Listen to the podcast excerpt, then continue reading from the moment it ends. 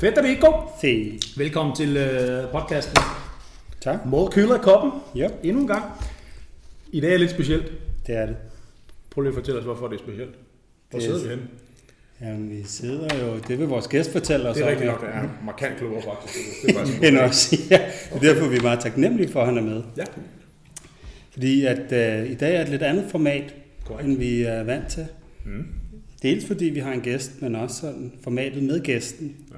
Og vi sidder med øh, Peter Ulfskov, måske bedre kendt som Pete, Pete. som er professor ved Institut for Plante- og Miljøvidenskab, professor i planteglykobiologi, så vidt øh, Mm. jeg lige kunne, uh, kunne se. Og øh, Pete har forberedt et lille oplæg til os. Ja, det bliver anderledes det her, end vi Det det. plejer jo. Så skal vi ikke bare kaste os ud i det? Jo, det tænker jeg. Altså, man kan også godt høre, at vi sidder et andet sted, fordi klangen er lidt anderledes. Det her rum er en anelse større i min stue. Øh, Det- bare en ja. anelse. Nej, det er det ikke. Det er sådan for at underminere os, at vi har valgt det her imponerende rum. Så. Nå, nej, men øh, Pe- Peter, øh, velkommen. Jo tak, jo tak, og, og velkommen i Konsistoriums øh, mødesal. Her sidder vi og bliver intimideret af, af gipshoveder af fortidens øh, vigtige personer, stifter af, af øh, den kongelige veterinærland på højskole og efterfølgende rektorer osv. Og vi, vi sidder i en bygning fra 1858, øh, lavet af Bindesbøl, samme år som haven her rundt omkring os også blev øh, etableret. Og vi skal være en lille smule taknemmelige over, at det her rum eksisterer. Mm. Jeg har lige vist vores to værter ind i nabolokalet, som er Bindesbøls øh, festauditorium, som regnes for et af de smukkeste i, i øh, Nordeuropa. Øh, og i år 2000 øh, eksploderede det. Der var en gaseksplosion i kælderen, som fik det bemalede loft til at falde ned, og hele ydermuren til at skvatte ud i, Okay. i haven. Og, øhm, og, og jeg var i Tostrup, og der kunne man høre det, og vi, var, vi reagerede flere af os. Jeg tænkte, bare det ikke er. Og så navnet på en kollega, som vi vidste brugte store mængder æter i, i sit laboratorium. øh, men, men det var det så ikke, Nej. gudskelov. Og øh, på trods af, at der ovenover sad studerende til eksamen, Okay. øh, så var der ingen, der kom til skade, selvom bygningen øh, slog revner. Og øh, heldigvis har der så været øh, venlige øh, fond, der har hjulpet til, at den hele er blevet, blevet genetableret. I kan bekræfte, at den er blevet bemalet på smukkeste vis, som den var dengang i 1858. Ja, der er fire vægge i hvert fald her, hvor vi sidder. Ja, Ja. også inde i auditoriet. Også Ja, det. det er også meget smukt. Absolut. Absolut. Øhm, Landbrug Højskolen er ikke mere. Øhm, det kan man have alle mulige meninger om. Øhm, jeg synes selv, det var en god idé for et lille land, at sektorforskningen blev fusioneret ind i universiteterne. Øh, I samme forbindelse blev vi så i 2007 fusioneret ind i Københavns Universitet og blev til Faculty of Life. Og dette navn, Faculty of Life, er Peter Holtens, den daværende rektors mesterstykke. Han hænger der til højre nede på endevæggen i et stort sort-hvidt billede af ham. fotografi. Øh, desværre var han også med til i 2012, da posen blev rystet og afskaffet KU Live, som ellers var en, en fantastisk branding øh, for os, men man ville en tættere integration i KU, og det var på nogen måde et tilbageskridt, øh, og det har fået til at øh, mig til at opfinde et ord, jeg ønsker optaget i ordbogen, og det hedder stordriftsulemper. øh, men jeg byder jer meget velkommen her, øh, i, og, og håber, at disse omgivelser vil gøre indtryk på os. Det, jeg gerne vil snakke om, det er, er videnskab i Wien, og øh, herunder bymenneskenes romantiske forhold øh, til landbrug, mm. det gode, mm. det naive og det evnesvage. Øh, og jeg mener, at øh, desværre, at øh, vi, kan, vi kan støde os på det, på det sidste. Men Ja. ja. det grundlæggende spørgsmål... Jeg, jeg, måske kan vi lige, jeg vil bare lige sige til dem, der måske lige lytter her, at ja, vi gør det på en lidt anderledes måde i dag, end- fordi du udlægger noget, vi ved faktisk ikke rigtigt, hvad du har tænkt dig. Vi vidste ikke, da vi kom herind i dag, hvad Peter egentlig ville have gang i. Men, så derfor så bliver det ret interessant det her. Jeg glæder mig til det. Så nu får du lov til at køre, og så snakker vi. Uden afholdelse.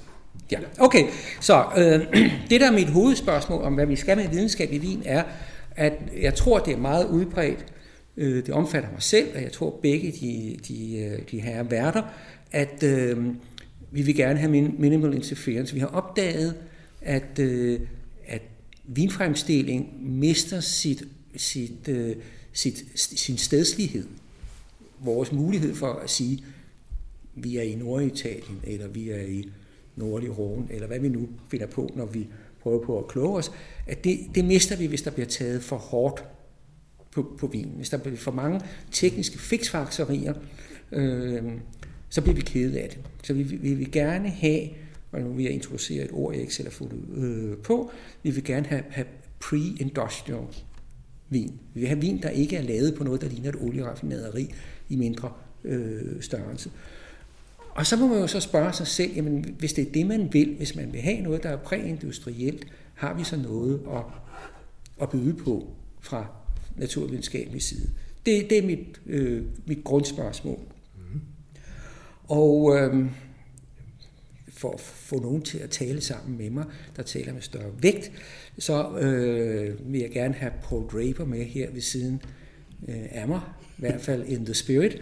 Øh, han er mangeårig år, 40 år, tror jeg, øh, chefmilmager på, på Ridge i Santa Cruz Mountains i Kalifornien. Jeg har haft en glæde at møde ham øh, indtil flere gange. Og den første gang, jeg øh, besøgte ham, der opdagede jeg et, et lille laboratorium, hvor der stod en HPLC og en gaskromatograf. Og det er altså nogle år siden. Øh, vi snakker i anden halvdel af 80'erne, var første gang, jeg mødte ham. Der så jeg, der så jeg det der, og så siger jeg til Paul Draper, wow, hvorfor i himlens navn fortæller du ikke det, øh, at, at I arbejder på den her måde? Så siger han, det har vi fortalt én gang til en journalist. Du får lov at se det på grund af din baggrund. Men der kom en artikel ud af det, at øh, der havde overtitlen They are making counterfeit mouton at rich. Så det at bruge videnskabelig indsigt det var at lave forfalskning. Så derfor har han holdt sin kæft med det i, i mange år. Men nu kan man læse et interview på, website, øh, på hans website, hvor, hvor han skriver om, om uh, pre-industrial wine, at, at det behøver jo ikke at foregå med lukkede øjne. Han siger, at vi laver ikke biodynamisk vin eller økologisk vin. Øh, måske laver vi virkelig en økologisk vin, hvor den måde vi griber tingene an, men det vi frem for alt gør, det er, at vi laver pre-industrial wine. Og øh, han øh, siger, at den bog, han bruger som sin håndbog, er Emmett Wixford 1883, uh, øh, The Wine Press and the Cellar. Og øh, den er jeg så heldig at have et eksemplar af øh, derhjemme. Og hvorfor har jeg det? Det er fordi Paul Draper han øh, fik uh, øh, UC Davis til at lave genoptryk af den, da den var fyldt 125 år. Og øh, der står mange interessante og uhyre fornuftige øh, ting deri. Han, var han samlede, øh, Wixford, han samlede øh, al den viden, der var i Frankrig, øh, i diverse bøger, og så øh, destillerede han det. De havde en erhvervssammenslutning, hvor vinmagerne diskuterede alt mellem himmel og jord, og der holdt han foredrag og løbende, og gradvist blev det så til, til den her håndbog i alt ikke det, der foregår ude i marken, men det startede med, med, med vinpressen og så ned i, i, i kælderen. Alle de der processer blev beskrevet op fra og nedefra, og hvad man kunne. Og herunder sagde han for eksempel, øh, man kan godt lave kunstig vin. Med den kemiske forståelse, vi har i dag, kan vi godt stykke noget sammen, øh, som, som overordnet har det, som, som vin har. Men det er ikke umenbær. Punktum. Sådan er det, så var den ikke længere. Øh, han er øh, stået bag øh, La Cuesta, et af de klassiske, helt gamle øh, vinerier, øh, hvis marker stadigvæk er i sving, og som min professors far var involveret i at, at bringe på benene efter forbudstiden i, i, i, i 30'erne. Øh, så, så jeg kender nogle af de vine og ting, øh, også af de lidt øh, ældre. Men det, der er hovedsagen med det, Paul Draper gør, de har et, det er ikke en HPLC og en gaskromatograf, det er et veludstyret analyse øh, laboratorium, men de bruger kun pre-industrial teknik. Men de ved, hvad der foregår. De ved konsekvenserne af alting, og det sætter dem i stand til at gøre ret øh, overraskende ting. Jeg sagde til ham, der havde jeg smagt en del øh, Montebelloer øh, fra 80'erne på det tidspunkt. Jeg der var altså nogle af dem, de havde kraftet vel med et, øh, et tanninsk bid øh, i sig. Øh, og det, øh, det var en af de bedste provokationer, øh, jeg har lavet, mens jeg har besøgt øh, vinmager.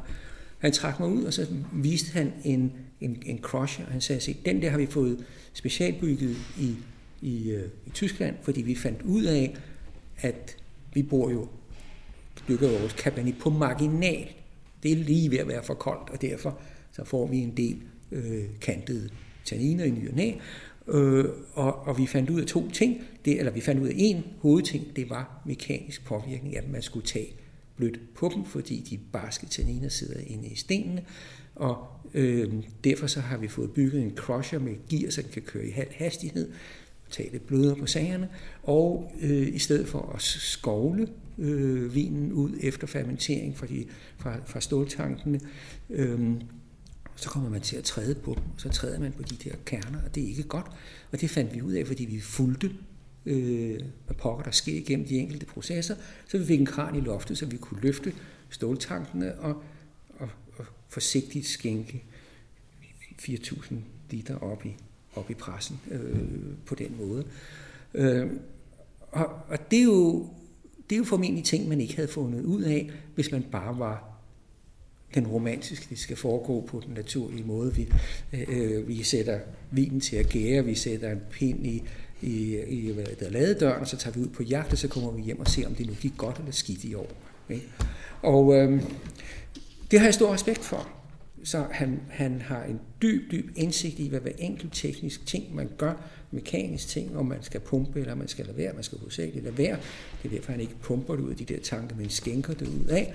Øh, så øh, jeg føler mig øh, jeg føler mig kaldet til at, at, at citere en, en gammel engelsk øh, poet, som, som coinede den term, der hedder ignorance is bliss, som præger øh, bymenneskets øh, holdning til naturen, altså de her ting, jo mindre vi ved, jo mere handwavy og, og svævende og, og, og, og romantisk det er, øh, des bedre. Jeg tænker, at der er nogle af lytterne, der måske forbinder, der forbinder dette citat med, med øh, første Matrix-film. Og det er ingen skade til. Det er, det er meget, den er blevet brugt meget, så meget udmærket illustration af det. Øh, det bringer mig hen på noget, som jeg mener at af et spøgelse, der bevæger sig igennem min verden, og den hedder biodynamik. Hvis folk i almindelighed øh, kunne tænke en lille smule, som vestlig videnskab foreskriver, så ville de undre sig over Rudolf Steiner og stille det åbenlyse spørgsmål, hvor ved han det fra? Det er jo et meget simpelt spørgsmål. Hvilke jagttagelser inspirerede ham til at lave hvilke eksperimenter? Der er ingen, jeg har ikke hørt nogen nogensinde stille det spørgsmål, hvor kommer det fra? Og det, sagen er den, at han har i virkeligheden ikke gjort hverken jagttagelser eller lavet eksperimenter. Han har set på hylden af hokus pokus, der var til rådighed, og så har han hævet homeopati og astrologi ned af hylden øh, som et fundament for øh, det biodynamiske. Disse to, øh, disse to retninger eller filosofier er nogle af de bedst undersøgte, testede videnskabeligt. Øh, og homeopati vil jeg gerne fremhæve som et eksempel, hvor hvis man, hvis man læser, hvad det egentlig er for nogle, nogle, en, en, nogle principper, øh, som øh, blev lagt frem der for cirka 100 år siden, øh, så må man hive sig i håret. Og der er så blevet lavet i over de seneste 100 år adskillige det, man kalder systematiske review, det vil sige reviews, hvor man tager det hele med. Der er et enkelt study af noget, det kan faktisk ikke rigtig bruges til noget. Det er, når man, det er, når man sammenholder på en eller anden systematisk vis mange, mange øh, studier.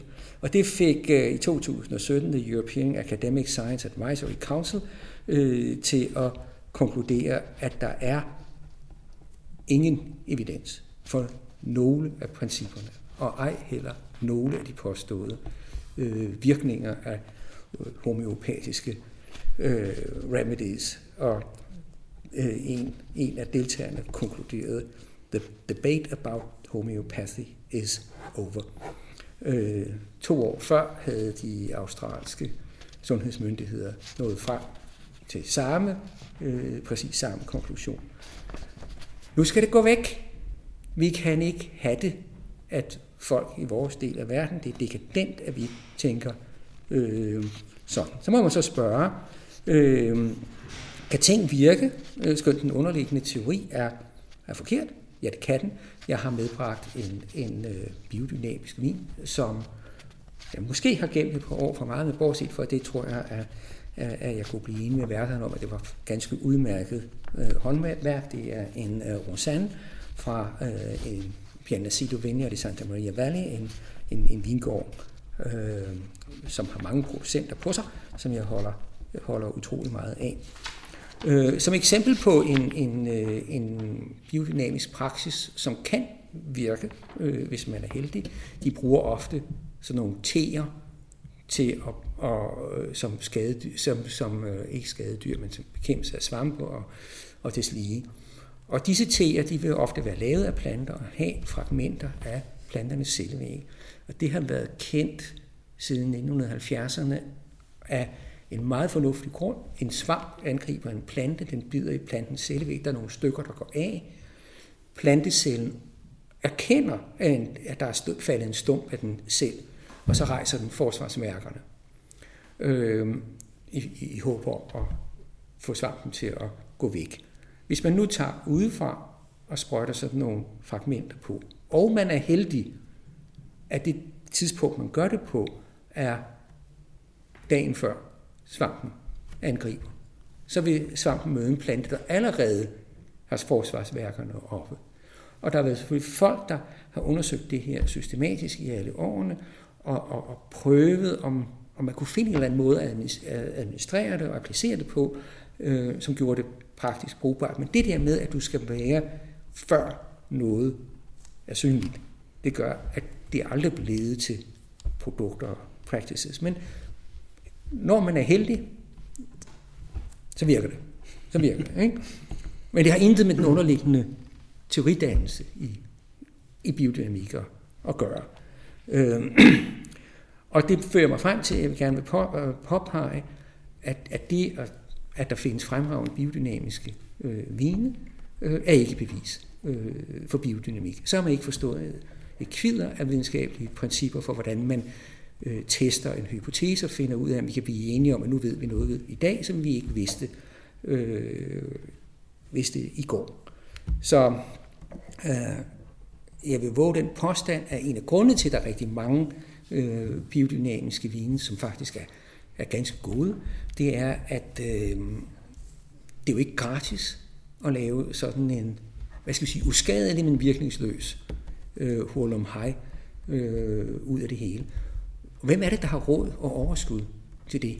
Det er dem, der allerede er ret dygtige vinmager, og som har en ret god pris på deres vin, så de lige kan sætte øh, fire markarbejdere til at gøre et eller andet unødigt eller ekstra.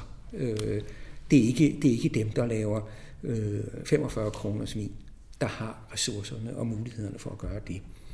Øh, og det, øh, så det er sådan et, et halvdekadent luksusfænomen. Øh, og mens vi snakker om det halvdekadente og det luksus, så vil jeg også gerne stille et, et spørgsmål øh, til jer, som jeg håber, I vil besvare bagefter. Jeg ved ikke, om verden, eller om gæsten må stille øh, værterne spørgsmål. Men jeg vil, øh, og det er, at, at Jancis Robinson øh, siger som slag på tasken, at øh, 90% af vin er industrial. Så vil jeg sige, så 10% er øh, et eller andet variant over Paul Drapers pre-industrial. Øh, det være så biodynamisk, økologisk, eller, eller bare high-end traditionelt, hvor man jo også forsøger at tage blødt øh, på, på, på druerne og skallerne og stenene og alt det der. Ikke? De 90 procent, er det ikke et erhverdigt mål at kunne lave hoffertuber. Standardiseret kvalitetsprodukt har aldrig fejl, rammer hver gang og har sin ro. Jeg går ikke ud fra, at de herrer tager langstikket krystalglas og den fine vin med til at sidde rundt om Sankt Hansbålet eller i klitterne. Nå, gør vi faktisk. lige også. Nå, okay, men de fleste, de, fleste de, de, de, de guider deres vinforbrug til, til sådan, i, i forskellige ja. klasser, og jeg, jeg finder det fuldstændig respektabelt, øh, at, at, at man forsøger at lave øh, sunde, gode produkter, som man måske ikke, man kan, ikke, man kan godt nyde, men man kan ikke snakke om dem. For der er ikke noget at snakke om rigtigt.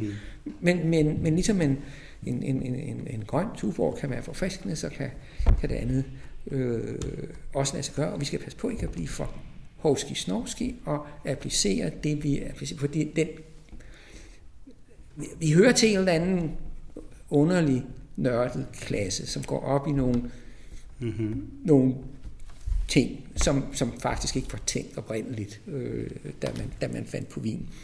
Øh, så det vil jeg gerne opfordre til, at der er ting, man godt øh, kan retfærdiggøre øh, for at lave et konsistent produkt. Nu er jeg et stykke ældre end jer, og jeg kan huske øh, to ting. Det var, da min vininteresse var, var, var ung i anden halvdel af 1970'erne, der var italiensk vin, der var til at betale, var håbløst. Det var stort set altid kørt i grøften.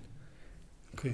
Og øh, i nogen grad med øh, Bordeaux Superieur klassen. Og øh, Peter Jørgensen fra øh, Knud Jørgensens vinhandel, han sagde engang til mig, han sagde, når vi tager til, til, øh, til Frankrig, eller til Bordeaux, for at smage Bordeaux Superieur og vælge, hvad vi skal importere af dem, så smager vi ikke efter kvalitet, så smager vi efter fejl. Okay, wow. Peter Jørgensen han er en dygtig købmand, mm-hmm. og han havde fat i den lange ende der.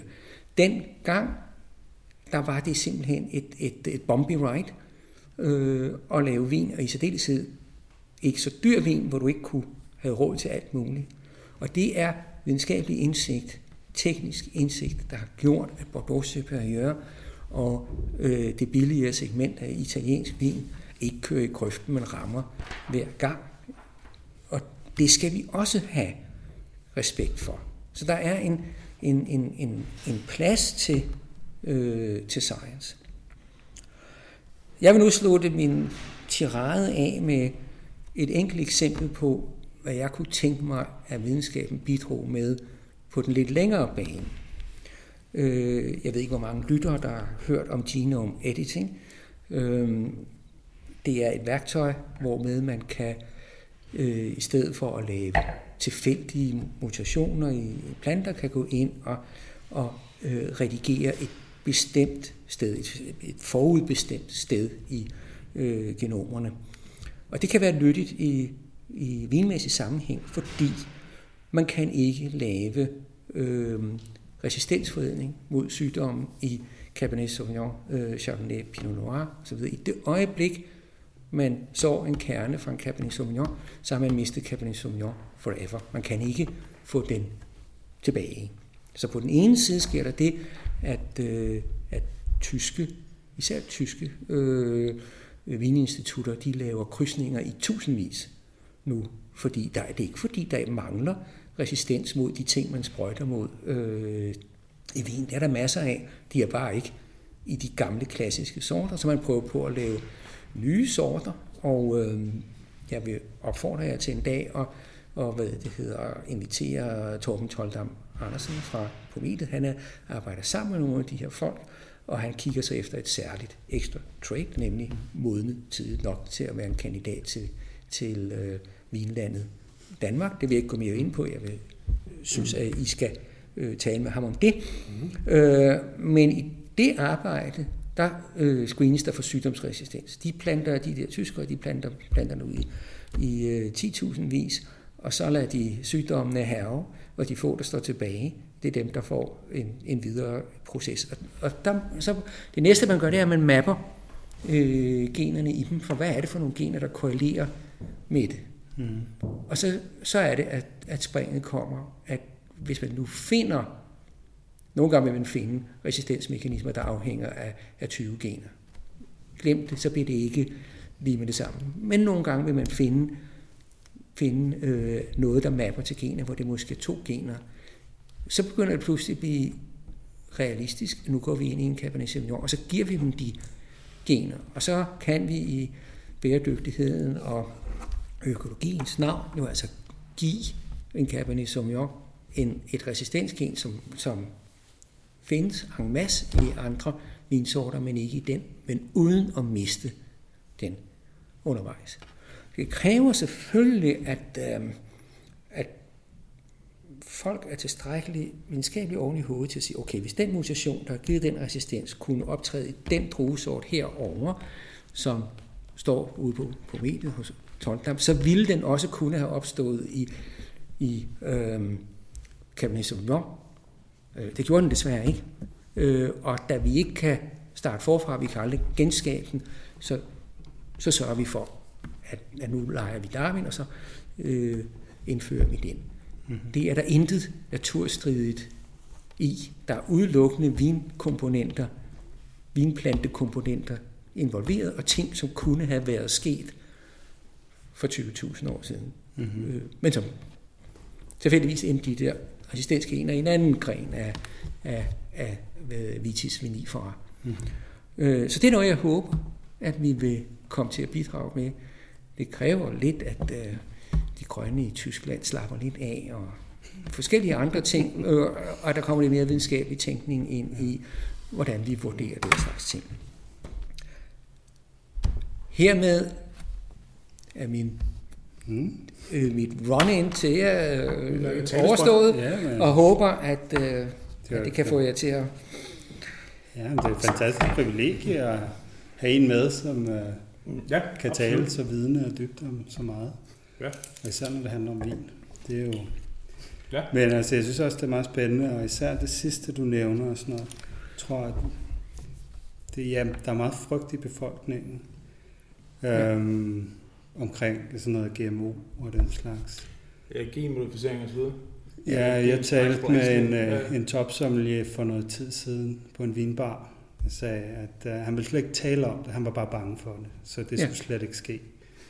Og sådan noget, mm. så... Nu må jeg stille spørgsmål, hvor, hvorfor, hvorfor er de bange for det?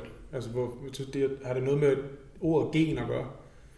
Det forstår jeg heller ikke. Det er, det, det er, um, det er der, er indtil flere, der er indtil flere forklaringer, men, men, men, men, øh, men, men Greenpeace er en af, af, af forklaringerne. Altså en, en, okay. en, hæftig, en hæftig kampagne, som i virkeligheden, tror jeg, sådan et skalkeskjul for at, en, en tanke om, at, at øh, her har vi en sektor, som består af sådan nogle små familieejede enheder osv., og så kommer der nu noget, som er teknisk så krævende, at øh, der kunne komme venturekapitalfonde, og mm. øh, jeg skal komme efter dig mm-hmm. en år, fordi der ligger lige øh, 20 års arbejde med phd projekter og fanderens pumpestok.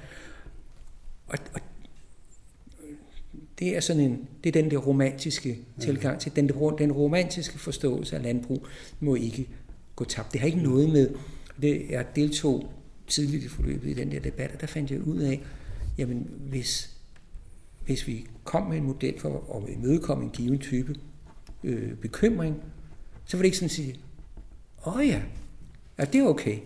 Men så fandt de på en anden, fordi det handlede ikke om bekymring. Mm. Det handlede om, om den her... Øh, mm. Og så er det, at man må, må, må sige, at øh, genomeditering, sådan som jeg beskriver det her, hvor man, mm. hvor man laver noget, der findes i en vinplante, det, mm. det replicerer man øh, ja. i en anden. Den rummer jo ikke nogen fremmede gener. Så mm. i vores forståelse er det ikke en transgen øh, organisme, men, men det er den indtil videre i EU-lovgivning, øh, men ikke i amerikansk lovgivning, tror jeg. Det sidste lidt med et forbehold. Men den amerikanske øh, GMO-lovgivning, den fokuserer på slutresultatet. Mm-hmm. Og der vil du ikke kunne se forskel på det, jeg beskriver her, mm-hmm. og noget, der kunne være sket af sig selv, eller ved, ved bevidst, at du bombarderer den med radioaktivitet for at introducere nogle mutationer, øh, som jo er en anden måde, der, bliver, der er accepteret, at man anvender i, i, i traditionel forædling, at man, at man ja. bruger det. Ikke? Øh, hvorimod i europæisk bioteklovgivning, der er det processen. Og det er et dilemma mm-hmm. for, for EU, at vi har en proces her, der leder til et resultat, du ikke kan adskille fra noget, du kan have fået på, på anden vis, mm-hmm. ved, ved kemisk eller radioaktiv mutagenese. Og det medførte, at, at øh, det første signal fra, fra EU-kommissionen var, at øh, genomeditering skulle ikke klassificeres som, som øh, øh, GMO. Men så rejste Tysklands De Grønne og Greenpeace og hele balladen, så, og, så, og så løb EU-kommissionen skræmt væk. Okay. Så der er, der er noget af en opgave i at få folk til at tænke lidt videnskabeligt og rationelt ja, men jeg skulle også over det. sige, at altså, som du sagde også før, altså frygt, altså er, er, det, er det fordi, altså en blanding af frygt og, og uvidenhed, tænker jeg. At, at man ja, skaber frygt. Jamen, det handler også, det handler, når, man, når man, når folk tænker, tænker gener og sådan så tænker folk med det samme arvemateriale og alle ting, og, og alle mulige underlige sygdomme, som, men, også når du siger mutationer, så er folk jo også på, det samme med kraft. Ikke? Men, altså, de, de, ja. der, altså sådan en, men, det, det, men mutation, mutationer er en, en, en, en, en, en vigtig bestanddel mm. af forædling. Og for eksempel, hvis man spiser kærgården med rapsolie i, jamen den er lavet, den er lavet, den stammer. Det, at raps kan være så øh, spisevenlig for mennesker, øh, det er den vilde øh, version af den ikke. Mm. Øh, det skyldes, at øh, en, en sådan en kobolt 60 kanon engang i i, øh, i Polen lavede en mutation, som blev øh, lav i to antinutritionelle faktorer. Mm. Mm. Og det gør, at den genetiske basis for raps er ret snæver, fordi de er alle sammen i deres stamtræ er nødt til at have den der polske øh, okay. mutant. Der er så øh, en af mine kollegaer, hun har fundet ud af, hvordan man kan skabe den der på ny i hånden, Okay. Ja? Og det, det, er, det, det, det er ikke future prospects, det er lavet for, for flere år siden. Ja. Og hvor kommer det hen? Uh, ingen, ingen vegne. Altså, og, og, på grund af det her. Og det er jo så ærgerligt, det gjorde, ville jo gøre, at man kunne udbrede og begynde at, igen ligesom med vin og avle, sygdomsresistent og alt muligt andet mm. ind. Øh, men det kan man ikke nu så nemt, fordi man, man mister øh, man mister af det, at den er slået ud i de to antinutritionelle ja. faktorer. Ikke? Det er jo egentlig også... Ja, så. Altså, jamen det var bare, jeg tænkte, det er også en sjov tanke, hvis man sådan tager miljøbrillerne på og siger, alt det ressource, der bliver brugt på at lave alle de krydsninger, og også i laboratorier bestråle gærceller med UV for at skabe naturlige mutationer ja. og sådan noget. Altså, hvis man har som sit mål at, at have et bedre miljø, er det så ikke bedre at bruge færre ressourcer på at skabe noget, der virker bedre? Jo, det og derfor synes jeg jo, at, øh, derfor synes jeg jo, at, øh, at øh, jeg kan godt forstå, at folk gerne vil, vil bruge de der øh, naturligt forekommende resistensgener, og at, øh, øh, hvad hedder det, at tyskerne laver de der krydsningsforsøg, og at, øh, øh, Okay. Nu er der nogle bobler, der kommer op, og du, Frederik, ved jeg, kender til en bestemt svejsisk vinmark, som ikke fik, selvom de havde klimaet til de klassiske, ikke fik dem, netop fordi man ønskede sig, øh, man ikke ønskede sig at sprøjte helvede ud af det. Ikke? Mm. Øhm. Ja, ja, lige præcis. Og, altså, det kan man jo tage hatten af for. Og at det er jo også det er jo meget sjovt, fordi at egentlig det, som du talte om med biodynamien, og det her med, at man skal være heldig med timingen af sprøjtningen og sådan noget, det er jo også øh, bare, hvis man bare i går så er økologisk, så det man sprøjter med øh, svovl og korsulfat, det er jo også kontaktpesticider. Ja. Så rammer man ikke svampen, ja. så uh, de er jo ikke de, systemiske. De, de, to, de to midler, dem vil jeg godt knytte en, en bemærkning ja. til. Øh, molekylær svovl, mm. det synes jeg er en rigtig god idé. Mm. Det er, øh, og den skal man, der skal man også være i i, øh, i opløbet. Og øh, jeg kan huske, min, min, øh, da, da jeg var postdoc på Stanford, min professor der, han, øh, han, havde, han havde sådan en, næse. Han, han, han kunne kigge ud af vinduet, og han siger, der er udsving i luftfugtigheden. og så ved han altså ved downy mildew, mhm. angreb, og så fæser han op i, vingården om eftermiddagen og pudrede med svov. Og det bliver jo til sulfat øh, ned i jorden. Det, der, der er jo ikke noget grimt. Helt anderledes forholder det sig mm-hmm. med de mhm. der forskellige Bordeaux-væsker og ting og sager. Mm-hmm. Der, er jo, der er jo biodynamiske vinmarker, fordi de ikke har andet at sprøjte med, og mm-hmm. det er mærkværdigvis lovligt i økologisk jordbrug i Frankrig. Mm. Øh, de sprøjter med det som sindssyge. Ja, det er der, ikke lovligt herhjemme, vel? Nej, nej, nej, men i Frankrig er det, og det medfører, at nogle biodynamiske øh, vinmarker, de har tungmetal forureningsproblemer. Ja. Så meget, at du har ser inhibition af vinplanten, fordi ja, de er gået for hårdt til. Fordi ja. kover, hvis ikke det lægger ud til grundvandet, det kan man så mene om, hvad man vil, øh, så forsvinder det jo ikke. Det er ikke sådan som svovl, der indgår i en metabolisme bagefter, som sulfat, så bliver det optaget som plantenæstoffer og af alle mulige andre aktører nede i, i jorden. Kover, øh, det er jo det er jo metal, altså det er jo mikronæringsstof. Mm. Når det er i makromængder, så kan systemet ikke håndtere øh, skidtet. Det er derfor, det er jo selvfølgelig også giftigt. Det kan nok ja, bruges til at bekæmpe ting hvad, og sager med. Hvad, hvad siger du så til sådan en som, jeg spurgte en gang, kan jeg huske, Tom Lubbe, som laver øh, meget, meget, meget anerkendt, en naturvisproducent nede i Roussillon. Jeg spurgte ham, hvad, hvad, hvad, hvad gør du for svampen? Øh, og så videre. Så siger han, at vi sprøjter med svovl og korsulfat. Altså, hvordan, hvordan giver det mening? Altså, hvordan, hvordan ser du altså er der noget problem med det? Så jamen, jeg har en jordbund, som, som er så, så, så, så god, jeg kan ikke 100% huske, hvad han sagde, ja, men det, noget med, at han sagde, at, det kunne godt... Collating agent, det kunne, faktisk, det kalatere... Det kunne kalatere store mængder. Ja, ja, det er det. Så det, så, så det er først, når, det er først, når næste generation skal lave vin der, at, at, at, at lokummet at lokummet han mener, mener jo, at, det faktisk, at han, den sunde jordbund, som jeg forstod ham, gjorde faktisk, at han kunne, altså han kunne forsvare det. Ja, det kan han så nu, ikke? men altså, øh, og med, med, med, som sagt med svovl, der er overhovedet ingen nej, nej, nej. problemer med, men, men, men kåret, ja. altså med mindre at det, det skal jo lægge ud af jorden med mm. samme hastighed, som det påføres, for at vinmarken, også, også hans søn eller datter, vil kalde det, jeg har en sund jordbund. Ikke? Altså længere er den ikke. Det er videnskabelig tænkning. Input skal være lige med output, hvis du, hvis du skal, og så stabiliserer det sig på et eller andet øh, niveau, ikke? og det niveau, det skal være non-toksisk for, mm-hmm. for, for planterne, og non-toksisk for de mikroorganismer, som skal omsætte jorden. Nu er det, bruger man det til at bekæmpe mikroorganismer op på bladene, ikke så langt. Det kræver ikke så meget at tænke den tanke, at hvis niveauet er tilstrækkeligt højt, så går det altså også over, over ud over den, den sunde jord, den mikrobielle omsætning i, i jorden. Ikke?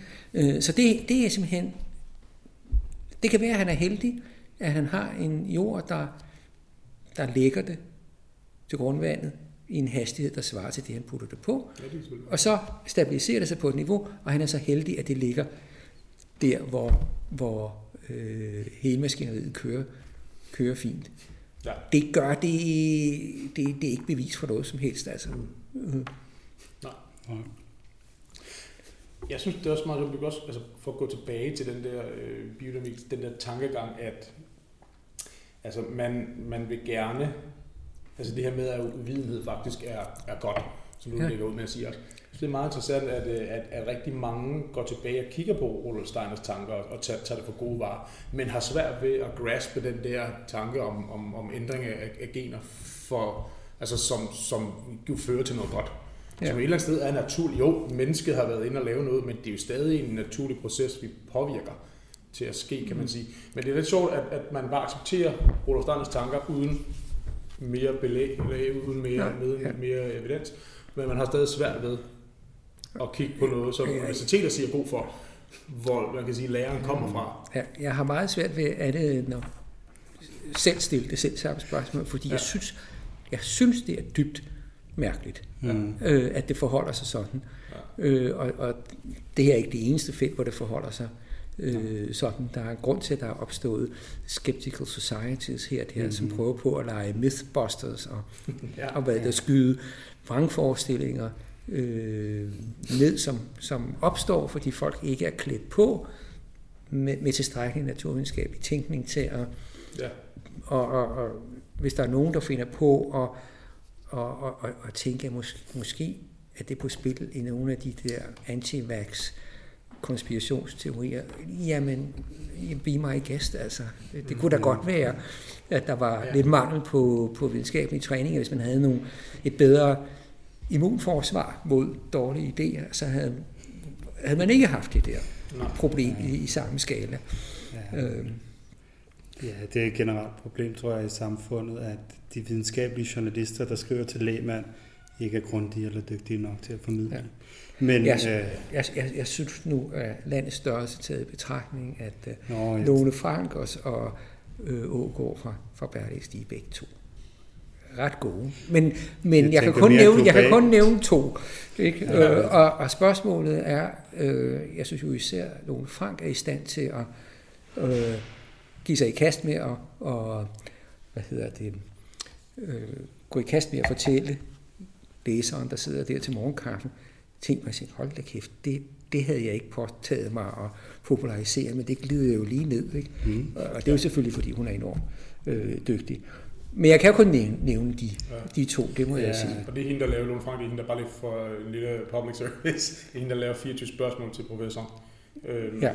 podcasten, som man også burde kigge på, hvis man er interesseret i det. Eller lytte til. Eller, ja, ja, man skal jo ikke kigge på så meget på Altså, du har skrevet rigtig meget ned uh, der, ja. så vil du hive fat i det, eller skal jamen, vi snakke jamen, lidt om, hvad... Jamen, jeg kunne godt, altså lige, et, et, bare lige blive ved biodynamik i to sekunder, jeg kunne godt tænke mig at spørge dig, øh, Peter, har du hørt om de der, um, de der de tests, der er lavet i Schweiz? Det har du sikkert. Der, der er et eller andet stort, der har været, altså jeg kan nu, nu igen, mm, det skulle jeg, du kunne være fedt, hvis jeg lige læst op på det. ja, det har jeg så ikke læst op på, for jeg kender ikke til, Nej, okay, til men, men systematiske... Der, der, skulle nemlig være, der skulle være et eller andet i, men det er jo så også en begrænsning for, hvor lang tid har det stået på og så videre. Det er fordi, igen, jeg har, jeg har fået nogle, øh, jeg har fået nogle, øh, nu kører vi lige tilbage til Nils igen. Ja, Han har kommet med en masse en masse af de her øh, biodynamiske blade og ting og sager. Og der henviser de til nogle af de her, de her studier, jeg læste lidt af det, og, og jeg, igen, jeg kan ikke huske det detaljer. Men der havde man lavet nogle, nogle ting og sager over lang tid. Men lige hvordan man har gjort det, det er... Det, og hvis du ikke har hørt om den, så tænker jeg også, det er måske lidt... Så kan Nej, jeg skal ikke prale og, og, og følge, øh, nej, fordi øh, som, som forsker har man jo også det, at øh, man, man sigter jo efter de ting, hvor der er mulighed for for fremskridt, ikke? og, og det er så ikke det. Så jeg, det ikke, jeg bruger ikke min... Øh, jeg, jeg, jeg, jeg, jeg påstår ikke at være, være rundt om øh, alt hvad der har med det her at gøre. Øh, mm. ja. Men, men, men du, du, kender, du kender ikke til nogen andre studier nogen steder i verden, hvor man har virkelig kørt det i, i, i årtier? Altså studier på biodynamik, vi kan se, om det er korrekt, eller altså se, om man kan se nogle ændringer, eller se, om man kan se nogle, ja. det ender med et produkt, der er bedre eller hvis, nemmere. Eller... Hvis, du, hvis du mener, eller hvis biodynamikerne mener, at det kræver 10-årige studier, ja. så begynder det at, at for det første vil jeg så stille spørgsmål. Kan det nu have sin rigtighed, at det skal tage så langt, ja. så mange år? Ikke? For det første. Altså, der er jo trods alt blevet lavet øh, markforsøg med alle mulige ja. ting. Også ting, som, som, øh, som måske ikke kan ses ja. øh, efter tre måneder. Så det, det stiller jeg mig så tvivlende over for, om, om det nu kan have sin rigtighed. Og for det andet så vil jeg så sige, det her med, med at holde det dobbeltblindt og vide, at dem, der laver det, ikke ved, hvad der foregår. Ja. Hvis du skal køre det over 10 år for at se, se det, ah, det, det, det, er det, er, det er altså svært. Ja. Øh, og, og, og, og, og sådan nogle... Øh, de kan være, de kan, sådanne studier kan være nyttige for øh, at formulere hypoteser mm. om, hvordan man så kunne teste, altså hvad er det, der foregår, Mm. Nu har vi set det her i 10 år, og der, der ser ud til at være sket et eller andet. Øh, hvad må det, det et eller andet er? Lad os lave et test, så, hvor vi så i år, og, og, og hvad det hedder, øh, se efter effekterne øh, til næste år. Mm. Ikke? Det kan man bruge, og, og sådan fungerer naturvidenskab jo også, at der, der, på, der er stadie, inden du kan formulere den eksperimentelle hypotese. Hvordan kan jeg adressere det her eksperimentelt? Der går du ud og, og samler data bredt. Ikke? Mm. Og sådan et studie der, det hedder at samle data bredt og inspirere til, hvad for nogle øh, hypoteser om virkningsmekanismer kunne jeg opstille og teste. Ja. Det svarer lidt til, at når du laver øh, en befolkningsundersøgelse for at finde ud af, om, om, om, om rygning er godt eller, eller skidt. Mm. Ikke? Og så finder du ud af, at der er en eller anden korrelation mellem incidensen af lungekræft og, og, og, og, og rygning, men under det ser du også, at der er korrelationer med lungekræfter og, og 10 andre livsstilsfaktorer. Ikke? Og så må du så formulere nogle hypoteser om, at, øh, at de der 11 livsstilsfaktorer tror du, at, at rygning er en major driver, og hvordan sætter vi et eksperiment op for at finde ud af, om, om, om det kan være rigtigt. Ikke? Altså, så befolkningsundersøgelsen, den, den danner hypoteser for ting, du laver i, i, ved interventionsstudier eller i, i laboratoriet, hvor du sætter aber til at ryge smøger, det kan man godt, ikke? Øhm, så det er, jo, det er jo sådan, så der er en fase, sådan en fase, og det er der, du taler om 10 år, hvor man, hvor man kigger på, hvad der sker, sådan et, sådan et, et veldrevet biodynamisk brug, der er 10 år gammel. Ja. Det hører til befolkningsundersøgelserne, der hvor man lader sig inspirere til at formulere hypoteser for egentlige eksperimenter. Modtaget. Modtaget. Mm-hmm. Hvad med, hvad med forlængelse, med du har noget, noget at sige? Hvad med nogle, øh, nogle forlængelse af biodynamik? Der, der bruger der jo en del af dem, de kigger også på Maria Thun, tyskeren, der kiggede på månecyklus og sådan noget. Så hvor, hvor, du, hvor, hvor er du hen der? Bare sådan, bare sådan helt... Uh... Det tror Jamen, så er du jo i, så er du jo i astrologien, ikke? Og ja. den har jeg så ikke nævnt, men den er jo, den er jo blevet, den er blevet eksperimentelt undersøgt på alle mulige ja. lederkanter. For det første, så må man jo sige, at, at selve ideen er absurd. At, at øh, vil jeg sige, ikke? Og så, øh, Tycho Brahe blev jo hyret af kongen for at lave bedre kalendere mm-hmm. således at han kunne lave at han kunne få bedre astrologiske forudsigelser til at, at styrke sit, sit, sit regentskab og mm-hmm. minde over naboerne og hvad som, hvad som helst. Ikke? Og, og øh, Tycho Brahe ender jo sin karriere med at lave bedre kalendere, og de sætter ham i stand til at konkludere, at det der med fødselshoroskoper har ingen gang på jord, selvom det stod i hans stillingsbeskrivelse som det, det primære. Nej, okay. Ikke? Så det er et eksempel på yderligere videnskabelig indsigt, øh, medfører, at, at astrologi blev skubbet til side og ind i, i grøften, og det er altså 410 år siden, eller noget den stilart, at det skete. Men, men øh, under, under øh, nogle år siden, øh, Super Bowl i USA, mm-hmm. horoskoper på spillere og alt muligt, kæmpemæssige statistiske øh, studier. Ikke? Mm-hmm. Og, der, der, der er intet at komme efter. Nej, men det og det er jo i og med, at, at biodynamikken hviler på homeopati og astrologi, mm-hmm. og de er blevet mm. discredited. Ja. Så føler jeg ikke en stor trang til mm. at hæfte mig ved, at nogen har en, en veldrevet biodynamisk mark. Altså, det kan jeg godt forstå. Øh, men altså uden at det hele kommer til at handle om biodynamik. Ja, jeg vil gerne tage et andet sted hen. Så, fordi at så, nu når vi sidder på KU og sådan, mm. måske taler om om ligesom der sker noget på KU med hensyn til at fremme ja. videnskaben og vin. Ja, det, øh, det, det kunne give mig en undskyldning for at komme ind på, på brugen af enzymer i, i mm, vinmaleri. Ja. Enzymer er, er et af de ting, der også opfattes som kunstige. Mm-hmm. Og det er forkert. Øh. Fordi når en velkendt teknik, som, som vinmager bruger, øh, er dem i den dyre ende, fordi det er risikabelt og, og dyrt i sig selv. Det er det, at man tager sine druer og putter op i badekar og triller dem ind i et kølerum, og så står de der i et vist antal dage, som vinmageren øh, har besluttet. Og øh, øh, hvad er det, der foregår under en såkaldt cold soak? Det er, at druernes egne enzymer for at nedbryde de vægge, der er rundt om cellerne, og for, som forhindrer, at farvestoffer fra skallen og øh, aromastoffer, øh, tabinoiderne, som vi måske kan finde undskyldning for at snakke om. Øh, det har vi øh, om afsnit, så endelig lad os gøre det igen. øh, at de kan komme ud. Ja. Det, og det, det, der, der kan jo gå rød og alt muligt hud i det der, ikke? så det er jo ikke ufarligt. Og så er det jo en nærliggende tanke, jamen i stedet for at vente ved et meget lav temperatur, hvor en, enzymer virker knap så godt, lad os øh, putte nogle enzymer på, der i virkeligheden er, gør det samme som, som dem i planterne. De klipper i cellevæggen, således at øh, ting og sager kan sive, sive nemmere ud. Og øh, så det er mere af noget, der er der i forvejen. Og det er ikke katalytiske mængder. Et enzym er en katalysator, definition. Fra mm. lærebogen, det er et, et molekyl, der ikke forbruges i sin proces. Det kører igen og igen, klipper det et lille nyt stykke af cellevæggen. Så der skal ikke så forfærdeligt meget øh, til. Det kræver, at man ved noget om, hvordan den der cellevæg ser ud.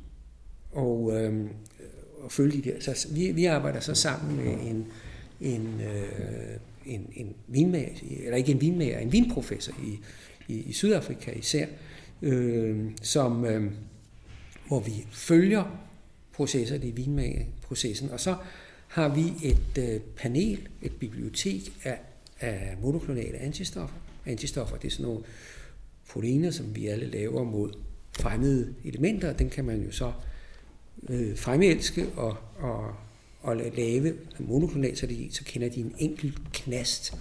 Og der har vi omkring 100 antistoffer, der kender forskellige knaster i cellevæggen. Så vi kan finde ud af i løbet af en macerationsperiode, når vin laves, hvornår en given knast øh, forsvinder, så kan vi tænke over, om det var for sent eller for tidligt, og vi kan overveje, om, om hvis det var for sent, om vi kunne hjælpe det med et enzym, der kunne opløseliggøre den ende. Øh, og så kan man så spørge, er det med at lave enzymer, det det vil gøre, det er, at det vil, det vil sætte vinmageren i stand til at, at, at køre lidt mere kontrolleret med kørekort på, på den her macerationsproces og få tingene øh, ekstraheret, end hvis han laver cold soak øh, i stedet for, eller gør, eller gør ingenting. Øh, og hvad er svaret på det? Der, der er så nogen, der har prøvet at, at, at, at, at gøre det her på, på, på vinhoer, og øh, konklusionen er umiddelbart, at øh, det er indviklet, hvis man får noget til at virke enormt godt på Syrah, og siger, nu ved vi lige, hvordan den ged skal barberes, og nu gør vi det på Cabernet Sauvignon, så virker det ikke. og, og dette, at det er et langt stykke af vejen er, er anvendelsen af enzymer, det, det er druespecifikt. Og det gør jo, at, øh, at for enzymproducenter at det ikke, har det ikke været en guldgruppe. Mm. Der, der er firmaer, der sælger enzymer til det, og folk bliver dygtigere og dygtigere, og, og nogle af de studier, jeg henviser til, hjælper folk til at få, få mere forstand på det.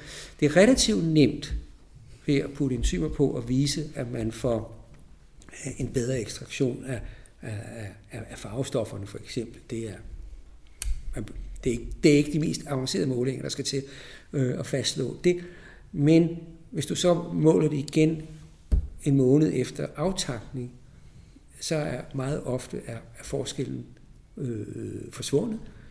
Og hvorfor det? Nogle af de ting, som ikke ville gå i opløsning, uden at man hjalp lidt på vej med enzymerne, de er blevet bragt i opløsning, men de var måske så store, de molekyler, at de fældede ud undervejs øh, senere i processen, når vinen blev klaret, og så var de væk, når det var gået på flaske. Det betyder ikke, at alle de ting, man ikke kan se, ikke har et større ekstraktionsudbytte.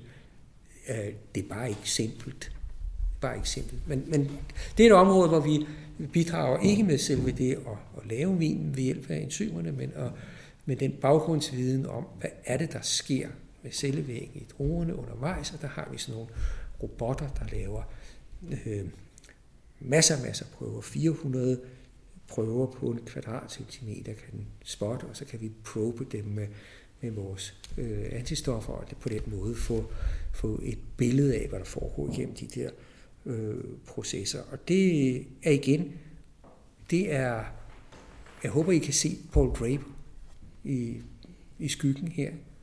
Vi vil gerne vide, hvad fanden der foregår. Mm. Det betyder ikke nødvendigvis, at vi, vi, vi laver alt muligt hokus pokus, men vi vil bare være klar over, at hvis vi sætter trykket i pressen op, og trykker lidt hårdere på det, og får en anden så får vi en anden fraktion ud, end vi gjorde, hvis vi trykkede blødere på druen. Hvad er det, der foregår? Jamen det kan vi hjælpe med at, det kan vi hjælpe med at få indblik i. Ikke? Så det er det at, at justere trykket på pressen, det er pre-industrial winemaking. Det er ikke at gøre det i blinde. Mm. Det er det, vi gerne vil, vil bidrage med. Så enzymer er ikke fremmede, biologisk fremmede øh, for, for min processen. Det er ikke noget quick fix. Det er ret svært at bruge, og det er derfor, det ikke er en kæmpe business at lave enzymer til, til vinmager. Det kræver noget både af, af enzymproducenten og af vinmagerens mm-hmm. øh, indsigt og villighed til at lave forforsøg for at få skruet på knapperne for at få det til at virke, sådan som, som han gerne vil have det til at, at virke. Mm, så, ja. Ja, men det er jo altså enzymer er enormt spændende. Og, Absolut. Ja, og det giver jo igen det samme, som vi er inde på igen. Altså, det tilsætter man noget, der, der, der egentlig... Altså, hvorfor har naturvindsproducenterne, hvorfor har Ja, altså de, de bruger også enzymer, det er jo bare eksogene enzymer. Ja, men de, de, de vil jo ikke tilsætte dem, og det er der, hvor, det er det, hvor også kæden for mig hopper af lidt en gang imellem, hvor jeg tænker, men hvor, jeg kan ikke rigtig se, hvorfor, man, man, hvorfor det skal være natur, der skal lave det hele. Øh, fordi hvis vi bare tilsætter noget, der er naturligt, som du siger, enzymer er jo, som de gør, jamen, ja. hvad, hvad, så kan jeg heller ikke se, at problemet er, hvis vi gør noget godt for vinen. Men, øh, det, det, det, så altså, der, der har man bare den der meget, meget sådan firkantet. Nogle gange synes jeg firkantet tilgang til ting, at jamen, vi må ikke gøre noget, vi skal selv dreje det hen, hvis den drejer det hen. Øhm. Ja. ikke, det har noget at gøre med, at som Pete taler om bymennesket og den romantiske ja, ja, ja. forestilling, ja, ja. at naturen er din ven. Du går ned i parken, du sætter dig på stranden. Men altså, kommer du ud i naturen, så er det første, der slår dig ihjel. Det er ja. fandme naturen. Ja, det, det er naturen selv, absolut. På så, mange forskellige måder har du lyst til det. Ja, ja, absolut. Nå, det var også jeg, jeg, jeg kunne godt tænke mig at nævne, ikke mm. om en syver, men et, et, et andet eksempel på, ja. på det, jeg øh, opfatter som en rationel ja. tilgang. Øh, vi kan godt lide, jeg kan godt lide, når, når vinmager laver vin med, de siger den, de, gær, de gærsorter, der sidder på drueskallen. Mm. Et stykke af vejen, øh, så, så flytter de der gær, de flytter op i loftet i, i, øh, i, i, i vinkælderen, mm. ja, ikke i kælderen, men i, vin, i vineriet, mm-hmm. øh, og drøser ned fra, fra, fra loftet. Men det har en betydning, hvad der er, der kommer ind i kælderen, hvem, hvem der vinder mm. kapløbet. Og en øh, vinmager, som jeg er stor beundrer af, men som desværre ikke er blandt os længere, Dwayne Cronin. Vi er igen i Santa Cruz Mountains, et af mine øh, yndlingsområder, skal ikke være nogen hemmelighed. Mm. Øh, han sagde til mig, jamen, øh, han gik, når, når høsten er, så gik han hver dag øh, som diagonal gennem marken, plukkede en drue her og der, ikke? og så øh, ind og kigge i refraktometeret og måle briks og smage, og så skulle han så, øh, når han så sagde, nu er der, nu er der tre dage til høst. Så smed han ikke de der druer ud, han puttede dem op i en, i en uh, og satte en vatprop i, og så stillede han den i, i, øh, uh, på bordet inde i, i vineriet. Og når dagen for høst øh, kom, tre dage senere, så tog han vatprop med, så stak han snudskaftet ned i Erlenmejerkolben, og så siger hvis det lugter godt, så er jeg glad. Så kører vi med det, der sidder på. Hvis det lugter af helvede til, så har jeg bragt noget med ind med de her, som jeg ikke vil have. Mm. Så tilsætter jeg en lille bit smule svår, således at den gær, jeg tilsætter, vinder kapløbet. Mm. Hvorfor skulle jeg ofre min chardonnay på, at jeg har bragt en, en vemmelig base med ja. ind. Mm. Rationelt og fornuftigt. Og jeg vil gerne sige det om, om, om, om det her, det er, at, at både det rationelle og fornuftigt, og hvad er det, der sker de år, hvor det lugter, hvor det lugter godt? Der skal vi lige tænke på, hvad dynamikken er under sådan en, en fermentering. Så får du syv bakterier, fem svampe, som ikke er gær, og otte, som er gær. Øh, med ned i bøtten, og de, de syntetiserer hver deres esterprofiler og aromaprofiler, øh, som det nu måtte være. Men er gær, der vinder, og hvad er det, den laver, udover sine, sin esterprofil? Den laver etanol. Hvad effekt af den etanol? Den slår de andre ihjel. Så det er sådan en selvhygiejnisk mm. ting. Så den vinmager, der gør som, som, som, som Cronin, øh, og den vinmager, som siger, det her det lugter okay, jeg starter på det her, og så når der er gået nogle få dage af fermentering, så tilsætter jeg lidt af en, en gær, jeg holder af, øh, og så vil den slå de andre ihjel. Men de vil være slået ihjel alligevel, men de har fået, men, men, men de vil have fået lov at lave deres øh, øh, hvad hedder det, bidrag til kompleksiteten øh, inden da. Ja. Og så øh, begynder folk at snakke om, at industrigær er, er, er, kunstig. Og sige, nu må I lige styre jer. Hvad er det, industrigær er? Det er, det er øh, opmærksom opmærksomme vinmager, der siger, at det her ferment, den her gæring, den gik enormt godt. jeg tager lige en prøve af det, og så ser om jeg kan, om, der er, om, jeg, om den gærcelle, der dominerer her i slutspillet, om jeg kan få fat i den. Og det har der mange begavede vinerier, øh, der har gjort, og, og Lynch Bash er, er et af dem, og, mm-hmm. og, og deres, nogle parceller på deres topmark bliver lavet øh, på, på en af deres egne renstrøgne øh, gærsorter. Mm-hmm. Dem du køber er lavet på samme måde. Mm-hmm. Der er ingen fiksfakserier. Øh, industrigær er særlig vellykket gærsorter. Selvfølgelig i det øjeblik, at du, får, at du har gjort det her 25 gange, så begynder du også at opdage, at, at de ikke er ens. De giver hver deres præg. Så kan du faktisk sige til vinmageren, jamen, hvis du gerne vil undgå en stock fermentation og have noget, der har en høj alkohol, tolerance mm-hmm. og ikke går i stå, mens der er 2% sukker tilbage i, og som du ikke vil synes klæder din Bordeaux, eller for du at tage et eksempel, så kan du tage dem her, de, de har hver sin karakter. Mm-hmm. Det er at vide, det er kunstigt. Det, Lynch Bass har taget en af deres egne vellykkede, og så har de gennem eksperimenter fundet ud af, at øh, den, den almindelige syndige blanding øh, plejer at være bedst, men, men den der parcel, den laver vi nu med den her, fordi det giver et godt resultat.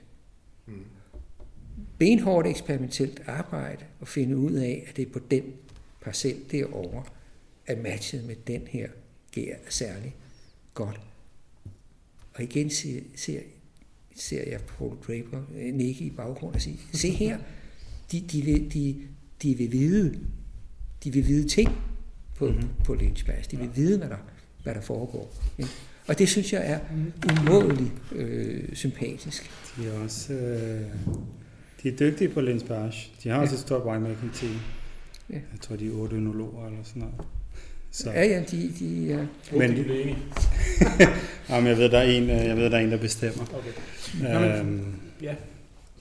Men ja. Altså, jeg synes det også, det var, altså, jeg, jeg tror jo, det hørte jeg lige, lige jeg gik hjem for, hørte jeg lige bare for sjov, øhm, Solfins, øh, nu, han har været, han er en meget stor fortæller for natur og så videre. Og han, øh, han, han er jo ikke glad for det der og det tror jeg, det tror jeg nemlig, at det er de fleste naturvinsproducenter, eller naturvins elskere. Altså jeg er selv en af dem. Øh, jeg, lige, jeg drikker begge ting. Jeg synes, det er helt fantastisk, at man laver noget fantastisk. Altså vin nede ved, øh, ved Australien, Henske, og Henske, de bruger, de bruger ikke naturgær. naturgær. Gåsøj, mm. nu sidder lige og kører gåsøj. Det kan man så ikke se. Men anyway, øh, de kører de også tilsat gær, for de, de, vil, de vil ikke, heller ikke risikere noget, som du siger. Mm. Men jeg kan, også, jeg kan også godt se den anden, hvor lad os bare lave det, altså så får vi noget et nyt udtryk hvert år, og måske er det godt, måske er det, er det dårligt. Det tror jeg, der er rigtig mange. Jeg er, ikke så, altså, jeg er ligeglad et eller andet sted. Mm. Jeg synes, begge ting er fantastiske. Men jeg kan godt, eller jeg, kan, jeg, jeg tror, at de fleste naturvindsfortalere synes, at det der med at lave den samme, de sammenligner det nogle gange med, med en pakke et eller andet. Øh, det ved jeg ikke, Pollock eller Det skal smage det samme hver eneste gang. Du kan ikke åbne en ny. Som pizza. Ja, ja. Nemlig, altså, jeg kan også godt se, at det er også en, en interessant approach til at tage, men det er jo rigtigt nok, din point er at sige, at altså, hvis de siger, at det er unaturligt at gøre det andet, det er forkert. Og der er, der, der er også sådan, det, det men jeg, jeg, jeg har så, på. Mm, jeg, jeg vil ikke have mig selv ind på naturvin, men, men, men jeg har altså en anden, jeg har en anden øh, uvillig... For det første vil jeg sige, øh, du er tæt på det her natur. Jamen, det her kan jeg godt smage. Det kan jeg godt smage. Og jeg har tænkt tanken. Øh, du må lige fortælle, hvad det er, vi, ja, ja. vi, vi drikker. Øh, men jeg tænker min tanke, det her det er for at teste, om jeg kan fange naturvin. Øh, øh, og det kan jeg godt. Og det der er min... Der er en fuldstændig glidende overgang. Den kompleksitet, jeg godt kan lide ved, mm. ved Cronin af, af de der år, hvor, hvor det lugter godt. Ja. Der lader han det være, som det er. Og han, han, er en, han har i, i den periode, hvor han var i live, var han sådan en, der, der hver evig eneste år på de amerikanske hitlister havde tre vine på top 10 af de bedste øh, chardonnay'er.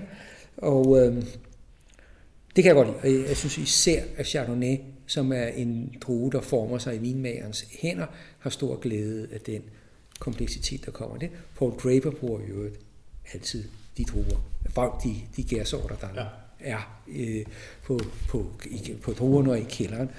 Mm. Øhm, der er en glidende overgang for det indtil du laver lambikøl, hvor du åbner vinduet og lader mælkesyrebakterier fise ind og lægge sig oveni.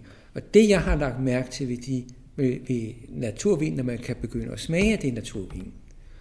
Fordi du kan godt sige, at Cronin i alle de gode år lavede naturvin. Fordi han lod det gå sin gang, men det var, det var sådan en informed choice. Ikke? Mm. Øhm, men når du kan smage af noget af naturvin, så vil jeg, jeg kunne godt tænke mig, at man lavede en blindsmagning med en masse øh, gode smager. Tag det halve af folkene fra DM i, mm-hmm. i, i vinsmagning, og så bed dem om at stedfeste naturvin. Mm. Fordi i det øjeblik, at du åbner vinduet eller mælkesyrebakterierne øh, fis ind og deltage i gæring, så vil jeg våge den påstå, på, øh, vil jeg våge den påstand, at, at bindingen til sted. Du kan ikke længere smage, at du er i Piemonte, mm. hvis du laver naturvin. Og det er for mig stedbundetheden, at vi har den vari, øh, variation af traditioner for, hvordan man laver vin, druesorter, der er matchet til de givende områder. Det, det er meget stor værdi i vinverdenen at sætte over styr mm-hmm. øh, på det der projekt. Og det er derfor, at folk, der har læst noget af det, jeg har skrevet på, på, på Facebook Vinklub, vil måske rente en, en, øh, en artikel, der hed Naturvin af øl. Mm. Øh, og det var med henvisning til øh, ligheden med, med Lambik øh, øl, mm. som, som er sådan nogle voldsomt forsurede mm. øh, øl, lavet ved det, at man åbner vinduet og lader mælkesyrebakterier fra, fra, ja. fra udenfor deltage i processen. Ikke? Jeg skrev faktisk det også det her naturvin bedre terroir-udtryk, og vi har været inde på det sammen med Lin, da vi lavede mm-hmm. afsnit her, hvor vi snakker biodynamik versus øko, øko versus klassisk. Men det er meget sjovt at lige det igen, fordi jeg, der snakker vi også om, at i min bog giver det heller ikke mening. Og ligesom siger vi, ja, til DM, lave en helt smagning, og så sætte altså naturvin. Naturvin er noget af det sværeste at, at blinde.